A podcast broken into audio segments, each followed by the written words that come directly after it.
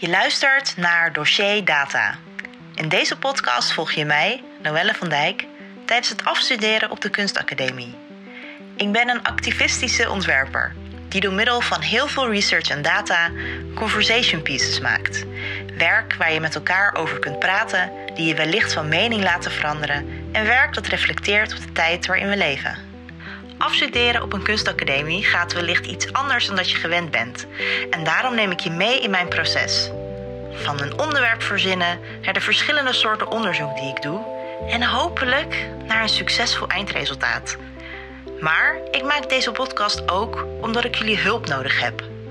Af en toe stel ik een gerichte vraag. En mocht je sowieso iets in deze podcast horen waar je op wilt reageren, dan is dat ook mogelijk. Hoe je dat kunt doen, dat hoor je helemaal aan het einde van deze aflevering. Laten we beginnen.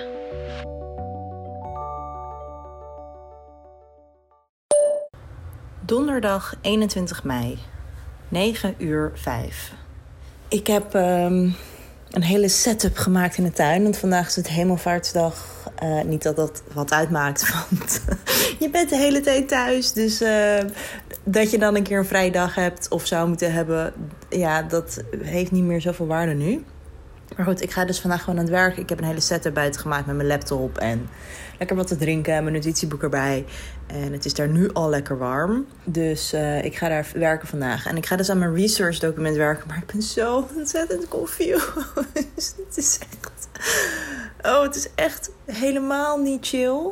Um, ik ga vandaag even goed over de structuur van mijn research document nadenken. Ik heb gisteren die flowchart gemaakt. Of ik, ja, ik weet niet of ik dat heb verteld, maar ik heb gisteren dus een flowchart gemaakt waarbij ik helemaal heb uitgeschreven um, wat ik heb gedaan, wat stappen zijn geweest, wat de uitkomsten zijn geweest. En dat helpt me wel om het te structureren. Dus uh, dat is echt een toptip geweest. Uh, ik ga dat denk ik ook gewoon in mijn research document zelf stoppen. Omdat um, ik denk dat het handig is voor de mensen die het lezen. Dus dat gaat mijn research docent zijn. Die natuurlijk weet wat ik al die tijd heb gedaan. En iemand van buiten de academie. Uh, ja, die mij ook uh, ja, gaat helpen met beoordelen tijdens het examen, geloof ik. Nou goed, iemand die mijn proces dus helemaal niet heeft gevolgd, gaat het ook lezen. Dus ik dacht, het is handig om dat sowieso erbij te doen. Maar nu ga ik dus aan een zware klus beginnen van dit document te proberen te schrijven.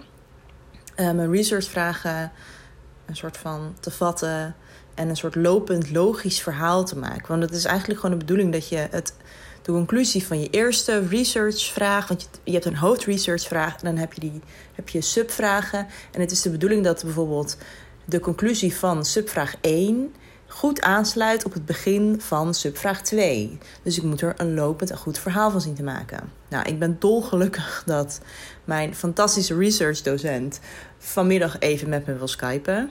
Want um, ja, ik vind dit gewoon heel erg moeilijk. Want ik weet, weet je wel, jullie hebben me al die weken gevolgd. Het onderzoek is er zeker. Ik heb superveel gedaan. Maar ik ben nu een beetje in de knel aan het komen. Omdat ik, uh, ja, ik heb die hele nieuwe database. Ik merk dat het reageren vanuit Merel niet zo soepeltjes gaat. Niet zoals ik had gewild. En ja, die hele database is natuurlijk een goudmijn. Het is natuurlijk een unieke kans dat ik dat heb gekregen. En ook in het kader van ik wil een dag laten zien in het leven van een webcam-medewerker... is natuurlijk ook fantastisch dat ik dat nu tot mijn beschikking heb. Dus ik wil dat ook goed benutten. Maar het lijkt nu alsof al die research die ik heb gedaan in het kader van, van Merel... eigenlijk voor niks is geweest. En dat ik dus eigenlijk een heel groot deel van mijn research in de prullenbak kan gooien...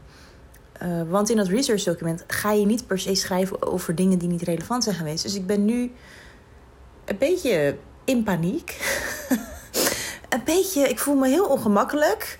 Uh, ik, voel me, ik voel gewoon dat het niet lekker loopt. En dan voel ik me gewoon letterlijk echt niet zo lekker. Dus ik ga gewoon vandaag proberen wat ik kan doen. Uh, maar ja, het voelt gewoon alsof ik heel, een heel groot deel van mijn research voor niks heb gedaan. Dus of ik moet een manier gaan bedenken hoe ik dit alsnog erin kan verwerken. Of ja, of ik moet het weggooien. Maar dat is zo zonde, weet je wel. Want dat ik allemaal dingen heb gedaan en dat ik heb gereageerd vanuit Merel en dat dat niet werkt.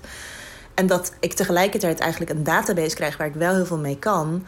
Weet je, dat het, en dat het niet werkt, dat is gewoon een hele waardevolle conclusie. Weet je wel, het is gewoon een experiment wat niet is geslaagd. En nou ja, goed, over dat soort dingen ga ik het gewoon vanmiddag even hebben met mijn researchdocent. docent Ik ga nu gewoon ervan proberen te maken wat ik kan. Ik ga dat gesprek voorbereiden. Ik ga gewoon, weet je wel, zodat ik er nog meer vragen heb die ik kan stellen en zo. Uh, ik ga even kritisch naar mijn document kijken. Dingen aanpassen die ik ook kan aanpassen. Weet je wel, bijvoorbeeld mijn inleiding was al best wel goed. Er moeten nog dingetjes bij. Dat soort dingen kan ik allemaal al wat doen. Ja, en ik ga nog verder nadenken over, over hoe en wat. Oh ja, en voordat ik het vergeet. Ik startte deze opname eigenlijk de vorige opname eigenlijk omdat ik jullie wilde vertellen over afgelopen zondag. Want dat heb ik nog helemaal niet gedaan. Ik ben natuurlijk aan het kijken om een boek te maken. Dat, het staat gewoon vast. Wat ik maak wordt een boek. Dat wordt de container van mijn, uh, van mijn verhaal. Ja, het ding natuurlijk is, ik moet op 9 juni mijn research documenten final version inleveren. En dan op 24 juni het final product uploaden online. Maar ik, ik wil heel erg graag dat mijn examinatoren het daadwerkelijke boek in handen gaan hebben op het moment dat, ze, uh, dat, dat ik mijn online examen ga doen. Dus ik ben nu aan het kijken naar online bookprinting services. Want ik, ja, ik moet er natuurlijk een aantal bestellen. En als ik dat gewoon bij een drukker ga doen, eh, dan wordt het ongetwijfeld wel super mooi. Maar is het ook super duur. Um, dus ja, ik ben nu aan het kijken naar online bookprinting services als Lulu en Blurb en dat soort dingen.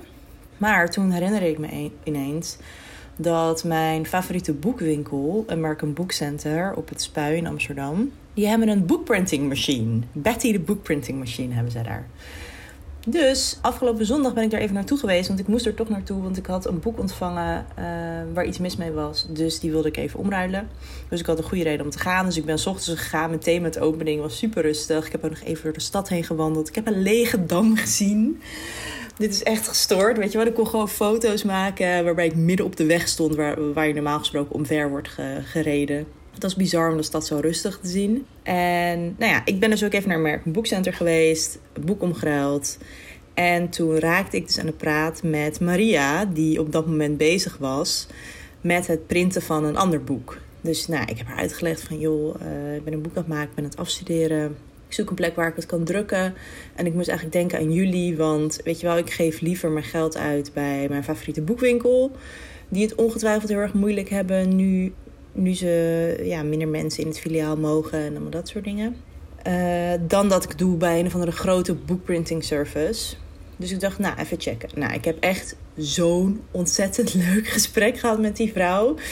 Verteld over waar ik mee bezig was, wat mijn afstudeeronderwerp was en uh, wat de bedoeling is, weet je wel. En ook gewoon vertellen van, joh, ik zit op een kunstacademie. Ik kan nu niet naar uh, de werkplaatsen toe, dus ik, ik zal het ja, of zelf met de hand van mijn eigen printertje moeten doen. Maar ik wil liever het laten maken, want dan wordt het gewoon mooier. Dus zij heeft me ook laten zien hoe die machine werkt. Wat de papieropties zijn. Weet je, dat zijn er dan maar twee. Maar een van de twee was wel gewoon heel erg mooi. En ze zei van, ja, hoeveel pagina's gaat dat dan zijn? Ik zeg, nou ja, ik hoop op een pagina of 250. Uh, eh, en ja, we hebben besproken wanneer ze het dan zou moeten hebben. En bij hun is dus de levertijd iets minder lang. Ik geloof dat ze het hadden voor vijf dagen. Als ik het dan op zondag aanlever, kan ik het bewijs van op donderdag of vrijdag ophalen. En dat zou natuurlijk top zijn. Want ik moet het dan natuurlijk ook nog in Rotterdam krijgen. Uh, met de post, I guess. Want ik ga het niet zelf brengen. Maar goed, ja, nee, het was gewoon een onwijs leuk gesprek. En ik heb ook gewoon hele praktische dingen kunnen vragen. Als, weet je, ik wil het waarschijnlijk in zwart-wit maken. What about als ik een hele zwarte pagina print? Hoe ziet het, hoe ziet het dan? En dan kreeg ik echt, uh, echt antwoorden van... Oeh, girl, you're good. dus nee, was, ik heb ontzettend gelachen met die vrouw. En um, ja, bij het eenmaal thuiskomst heb ik even uitgerekend wat het zou kosten bij hun als ik het zou doen. Uh, dat zou ongeveer 25 euro per boek zijn. En, als ik er, en ik zou het liefst een stuk of 20 willen hebben, weet je wel. Want ik wil het liefst bijvoorbeeld mijn contactpersoon bij HEMA, maar ook mijn manager bij HEMA. Weet je, want die heeft ook goedkeuring gegeven dat ik, dat ik dit project mocht doen. Er één willen geven. Uh, gewoon mensen in mijn omgeving, familie, dat soort dingen. Uh, mensen, die dingen. En natuurlijk nog een aantal voor de graduation show die er ooit komt, om ze daar neer te leggen zodat mensen erin kunnen bladeren. Dus ik wil er eigenlijk een stuk of twintig. Nou ja, en dat wordt natuurlijk wel, als ik het op die manier doe, bij American Book Center wel een beetje duur. Maar ik zou natuurlijk wel ervoor kunnen zorgen, omdat ze een kortere levertijd hebben dan bijvoorbeeld een blur, van die doet er acht of negen werkdagen over. Dus dat is eigenlijk gewoon twee weken. Zou ik natuurlijk wel voor die kortere deadline het, er, een stuk of vier of zo kunnen maken, laten maken bij vijf bij American Book Center. Dat is natuurlijk wel gewoon een optie. Dan ziet het boek wat mijn examinatoren krijgen er wel iets anders uit dan dat er waarschijnlijk bij de graduation show ligt. Uh, maar dat hoeft niet zo heel veel uit te maken, denk ik. Maar goed, ik ben dat soort opties dus ook een beetje aan het exploren van wat kan ik doen. Ik weet ook dat ik het zelf zou kunnen doen, maar ik wil gewoon echt een mooi netjes boek. En ik zou het bijvoorbeeld met de hand kunnen binden en dat soort dingen. Maar dan mis je gewoon dat je bijvoorbeeld niet mooi kan snijden. Het, mooi recht kan afsnijden en allemaal dat soort dingen. Dus ja, dat. Maar ja, dat was gewoon een, uh, een heel erg leuk gesprek. Ik ben heel, heel, heel fijn dat ik dat, uh, dat ik dat soort dingen gewoon on low gewoon eventjes uh, kan doen. 16 uur 4. Ik ben zo blij dat ik een gesprek heb gehad met mijn research docent. ja, dit was echt super behulpzaam. Ik ga later even mijn aantekeningen goed uitwerken en dan deel ik die ook nog met jullie. Maar vanmorgen was dat natuurlijk best wel in de rats. En het voelde echt niet goed. En ik, en ik voel altijd heel, heel sterk wanneer iets niet goed zit. En dan kan het me echt zo ontzettend dwars zitten. Maar dat, dat staat gewoon helemaal in lijn met mij uh, intuïtief werken. Het reageren op wat ik doe. Um, dus ik voel ook heel intuïtief en dus heel sterk. Als ik denk, shit, het klopt niet meer. De puzzelstukken vallen niet meer in elkaar. En ik ga nu iets doen. En is het de juiste keuze en dat soort dingen. En um, I'm not gonna lie. Ik heb er een paar traantjes over gelaten. Omdat ik echt dacht, fuck, wat moet ik? Maar goed, toen was ik dus met Jelle aan het praten hierover. En ik zei tegen hem, ik weet gewoon niet wat ik moet. Want het voelt alsof ik nu een heel groot gedeelte ja, weggooi. Weet je wel, dit was uh, vanmiddag voor het gesprek. Een heel groot gedeelte van mijn onderzoek weggooi. En dat wil ik, en dat wil ik niet. Dat voelt niet goed. Want het is wel een logische, een logische, logische stap die ik nu maak. Uh, om verder te gaan over die data. Maar weet je wel, mijn, mijn practice docent zegt: probeer een, een soort reconstructie van die dag te maken. En dat, gaat, dat komt gewoon niet meer overeen met het reageren als Merel. En ja, dat. Dat. Uh, dat is lastig. Maar toen was ik dus met, met Jelle erover aan het praten. Want ja, soms zit ik gewoon zo vast. Dan moet ik gewoon echt even praten. En dat helpt altijd wel. Tenminste, het helpt. Vaak helpt dat wel. En op een gegeven moment, door met elkaar te praten, kwam ik eigenlijk op een gegeven moment op het punt van.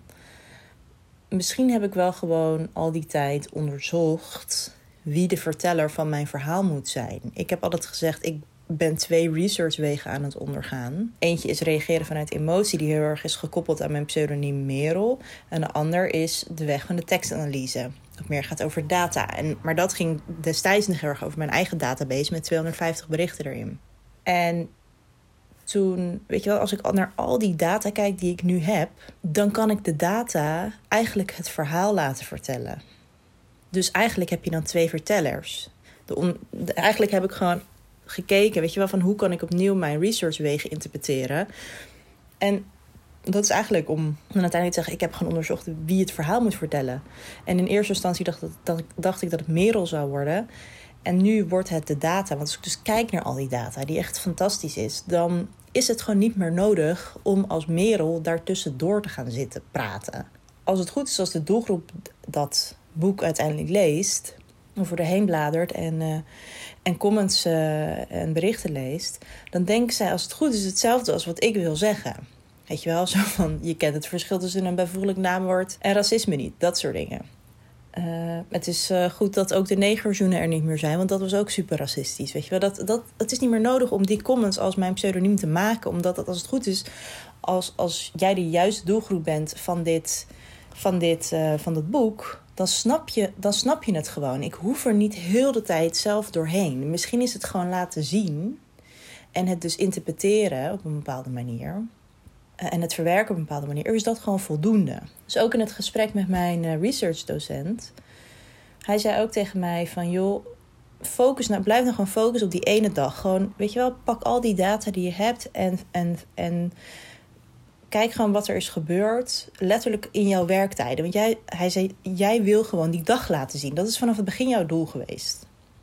Het zei hij niet letterlijk met die woorden, maar weet je wel, dat is wel een beetje de strekking. En toen dacht ik ook, ja, weet je, misschien hoef ik er ook gewoon niet zo heel erg meer tussen, de, tussen, tussen doorheen te boeren de hele tijd met mijn mening. Um, en het heel erg te verklaren. Ik wil gewoon die dag laten zien. Ik moet het niet zo ingewikkeld maken. Dus waar ik nu aan zit te denken, is om letterlijk dat uit al die data die ik heb, de uren van mijn werkdag te pakken. En dan gewoon te gaan kijken wat gebeurt er van uur tot uur. Hoeveel berichten zijn er van uur tot uur? Wie is de katalysator? Maar gewoon al die berichten verwerken in pagina's. Um, en ja, misschien. Weet je, en dan bijvoorbeeld het ook helemaal niet meer te structureren op die keywords. Misschien maak ik nog wel achterin of voor in het boek een, um, een pagina met die keywords. Bijvoorbeeld, omdat dat toch een soort interessant gegeven is. Maar hoef ik het niet meer zo te verklaren. Weet je wel, en dan is het ook meer open voor interpretatie. Ja, ik, ik weet nog niet helemaal hoe ik dat ga doen, maar ik hoef niet altijd. Ik ben natuurlijk geen journalist, ik ben een grafisch ontwerper. Ik kan ook gewoon dingen laten zien. Ik, ik hoef er niet per se een lopend, lezend verhaal van te maken. Het is misschien veel meer poëtisch en veel subtieler. En misschien ook wel sterker als ik gewoon, als ik gewoon de lezer van het boek het laat interpreteren dat trekt het misschien ook meer van een heel praktisch, een heel praktisch boek eigenlijk, naar meer een soort boek als kunstobject. Want als jij in een museum bent, dan staat de kunstenaar ook niet naast het schilderij om te vertellen: Nou, dit schilderij heb ik gemaakt omdat uh, ik uh, ook actie wil voeren tegen het slechte klimaatbeleid en bla bla. En weet je, die staat er ook niet bij. Dan is het ook open voor interpretatie voor jou. En als ik dit boek maak, natuurlijk maak ik het voor een bepaalde doelgroep. Maar ik weet bijvoorbeeld, um, er zijn ook mensen bijvoorbeeld in mijn familie die uh, ja, het niet eens waren met het veranderen van de naam Moor komt naar chocoladebol. Op begrip voor die, uh, voor die naamsverandering hoef ik dan per se niet te rekenen. Uh, weet je wel, let's agree to disagree in dat geval. Ik ga dan ook niet altijd activist uithalen, uithangen bij mijn familie. Maar die kunnen dan bijvoorbeeld wel zien: wow, het is wel echt heftig wat je allemaal te lezen en te zien krijgt op zo'n dag. Uh, maar iemand die het met mij eens is, die leest er misschien doorheen en denkt: Oh mijn god, gaan ze hier nu Zwarte Piet bij halen? Hoezo moet dat de hele tijd? Uh, en weet je wel, die, die halen diezelfde conclusies eruit. Waarom halen mensen Haagjes, Haagse hopjes en Turkse pizza erbij? Het is meer open voor interpretatie. En eigenlijk vind ik dat wel mooier om op die manier te doen. Dus ik ga er nog verder over nadenken. Ik ga natuurlijk aan mijn research document blijven werken. Uh, maar nu ga ik eerst even lekker. Ik heb heel de dag uh, aan school gezeten verder. en um, ja, ik ga nu gewoon even lekker in de zon zitten. Lekker met een boekje. En dan ga ik morgen werken. En dan zaterdag ga ik even goed die aantekeningen, uh, het gesprek uitwerken met mijn, uh, van mijn docent, denk ik. En dan ga ik gewoon voor om dat research document zo goed mogelijk te maken. Maar dat gesprek heeft voor mij gewoon uh, heel veel waarde gehad. Het was echt top. Vrijdag 22 mei, 14 uur 4. Vandaag eh, ben ik aan het werk voor HEMA, zoals altijd op vrijdag. Maar ik dacht, ik geef jullie even een korte, snelle update. Want de werkplaatsen, de stations gaan weer open op de Willem de Koning. En ondanks dat ik daar geen gebruik van ga maken... Weet je, ik heb het al zo vaak uitgelegd, maar ik ga gewoon voorlopig niet in de trein. Ik wil het gewoon niet riskeren dat ik het net voor de eindstreep niet haal. Dus ik ga het gewoon allemaal zelf proberen te fixen. Weet je, het is voor mij echt hartstikke kut dat ik niet op fietsafstand um, van Rotterdam woon. Maar ja, dit is, uh, ja, ergens voelt het natuurlijk gek en een beetje zuur.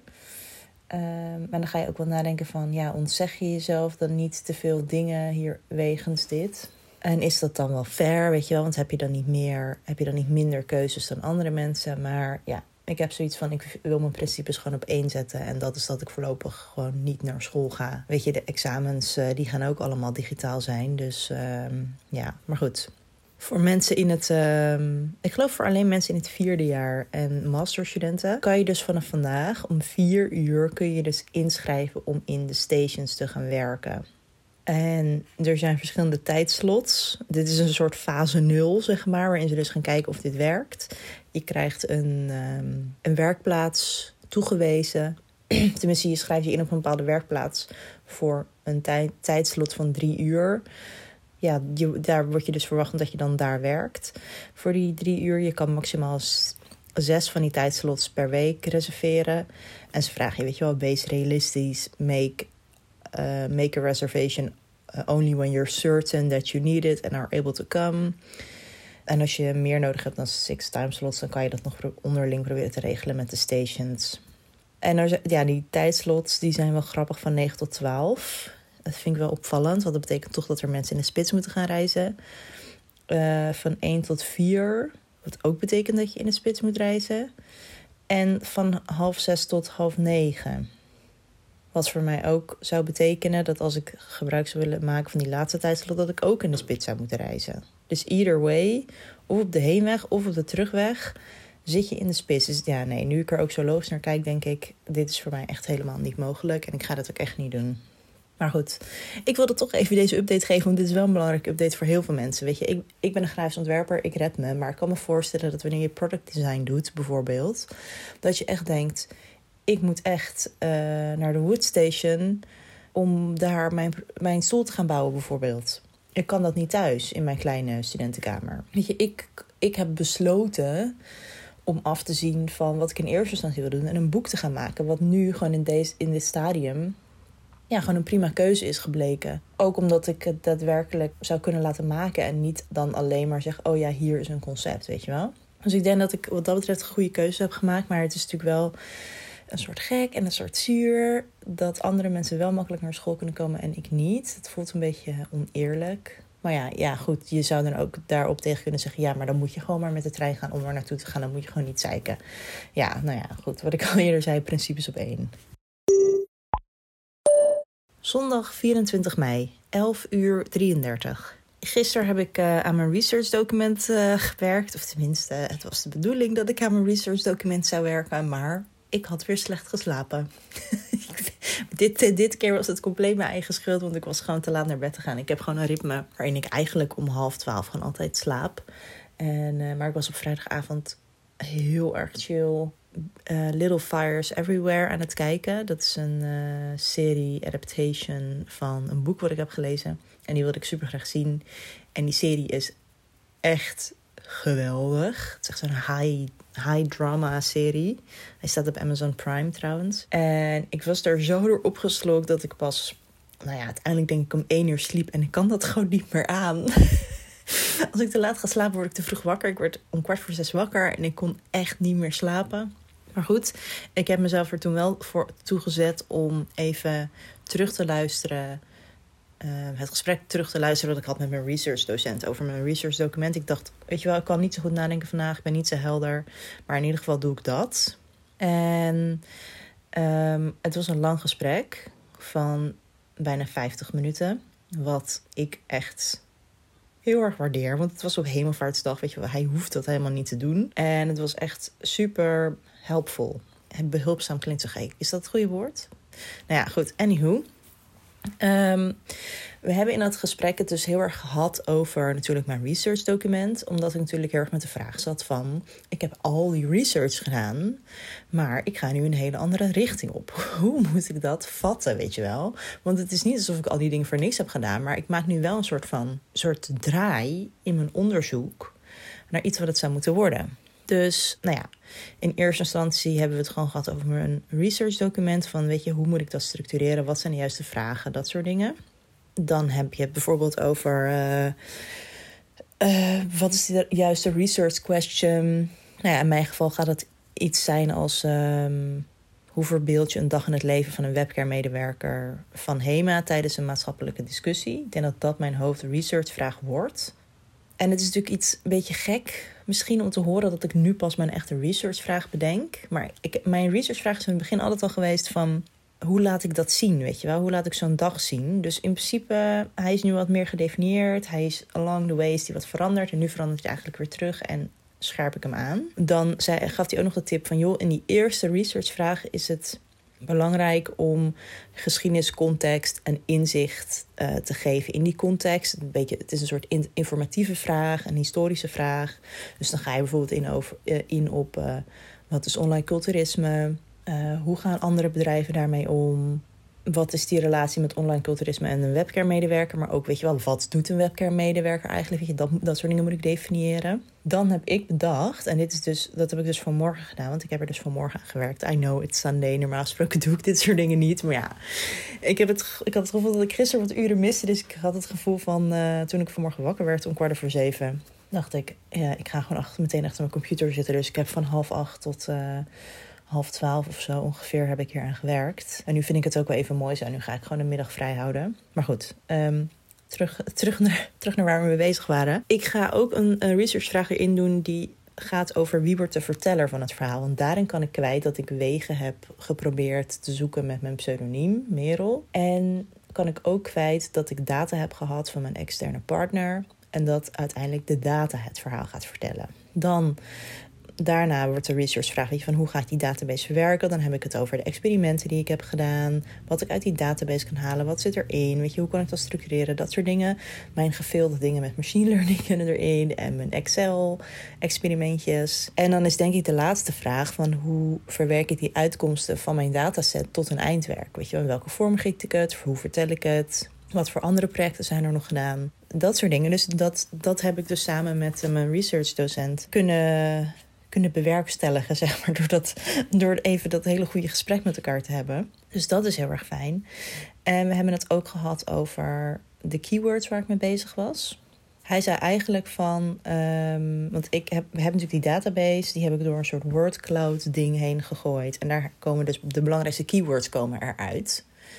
En uh, dat zijn keywords als negerzoen, moorkop, uh, jodenkoek, hoofddoeken, uh, tradities, cultuur, dat soort dingen. En het was eigenlijk mijn eerste idee om een soort heel analyserend, verklarend boek te maken. Maar na mijn gesprek met uh, mijn researchdocent ben ik daar wat anders over gaan denken. Want ja, mijn researchdocent zei eigenlijk: Weet je, ik zou oppassen met het te veel te verklaren. Want dan, ja, anders verliest het een beetje zijn kracht.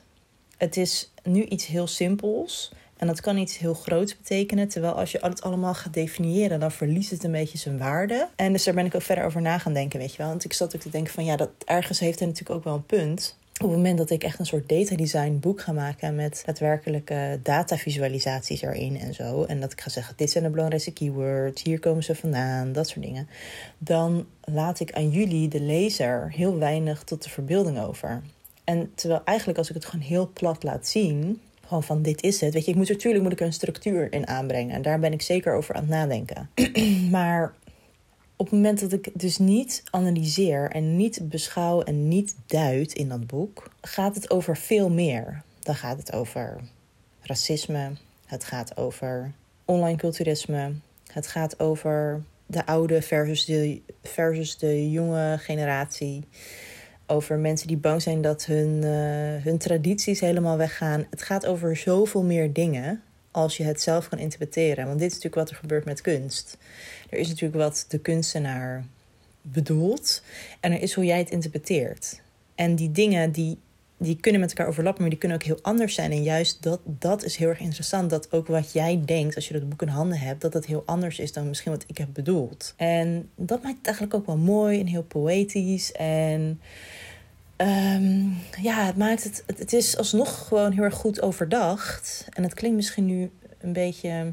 Haal je dan wel alles uit wat erin zit? Maar ik denk het eigenlijk wel. Dus daar hebben we nog een heel goed gesprek over gehad. Over het perspectief wat ik dan kies. Over ja, wat laat je precies zien?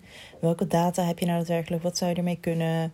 En hij heeft nog een aantal voorbeelden gegeven. Uh, hij heeft nog een voorbeeld gegeven van een eh, boek wat uh, Willem Populier heeft gemaakt. Ik heb van hem ook wel eens een, um, een les gehad in het eerste jaar waarin hij vertelde over zijn werk. Maar hij heeft een, een boek gemaakt, ook voor zijn afstuderen, tien jaar geleden alweer, over zijn familie. En over zijn tweelingbroer, geloof ik, waar hij geen contact meer mee heeft. Dus, en hij heeft dat ook heel plat in beeld gebracht.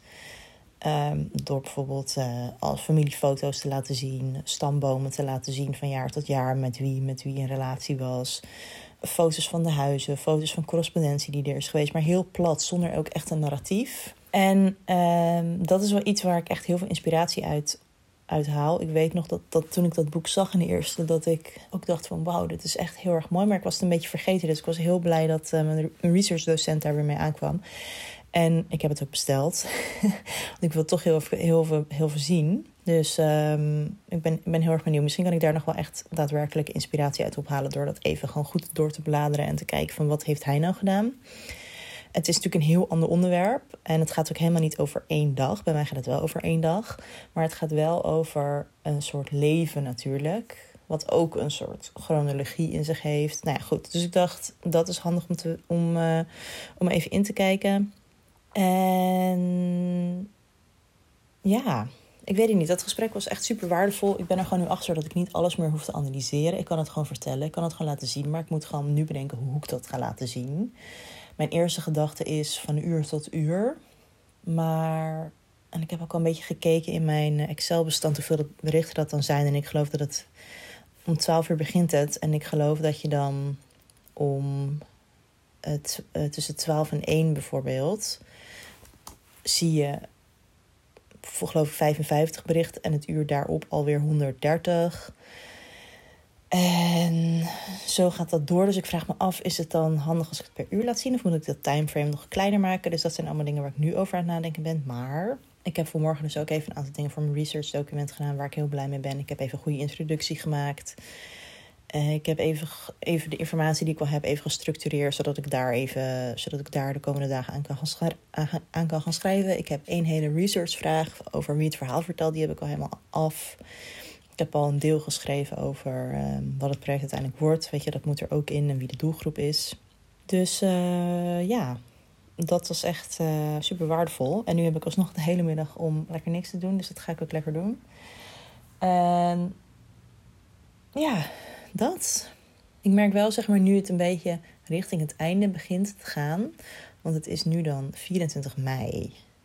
En letterlijk over een maand, op 24 juni, is echt de deadline der deadlines. Dan moet ik het hele project digitaal hebben ingeleverd. En ik merk wel dat ik echt denk van holy shit.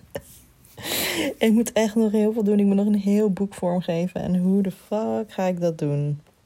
Maar goed, dat is niet iets waar ik nu over ga stressen. Ik moet ook mijn rust nemen, want anders dan zie ik het morgen weer niet zitten. Dus um, ja, so far. Dankjewel voor het luisteren naar deze podcast. Mocht je mee willen praten over een van de besproken onderwerpen, dan helpt mij dat ontzettend voor mijn afstuderen. Dus ik hoor heel erg graag van je. Maar ook wanneer je een ander goed idee hebt, een artikel of een boek dat je met me wilt delen, of wanneer je me heel veel succes wilt wensen, je me kunstwerken aan wilt bevelen of gewoon even je ei kwijt moet, dan kan dat.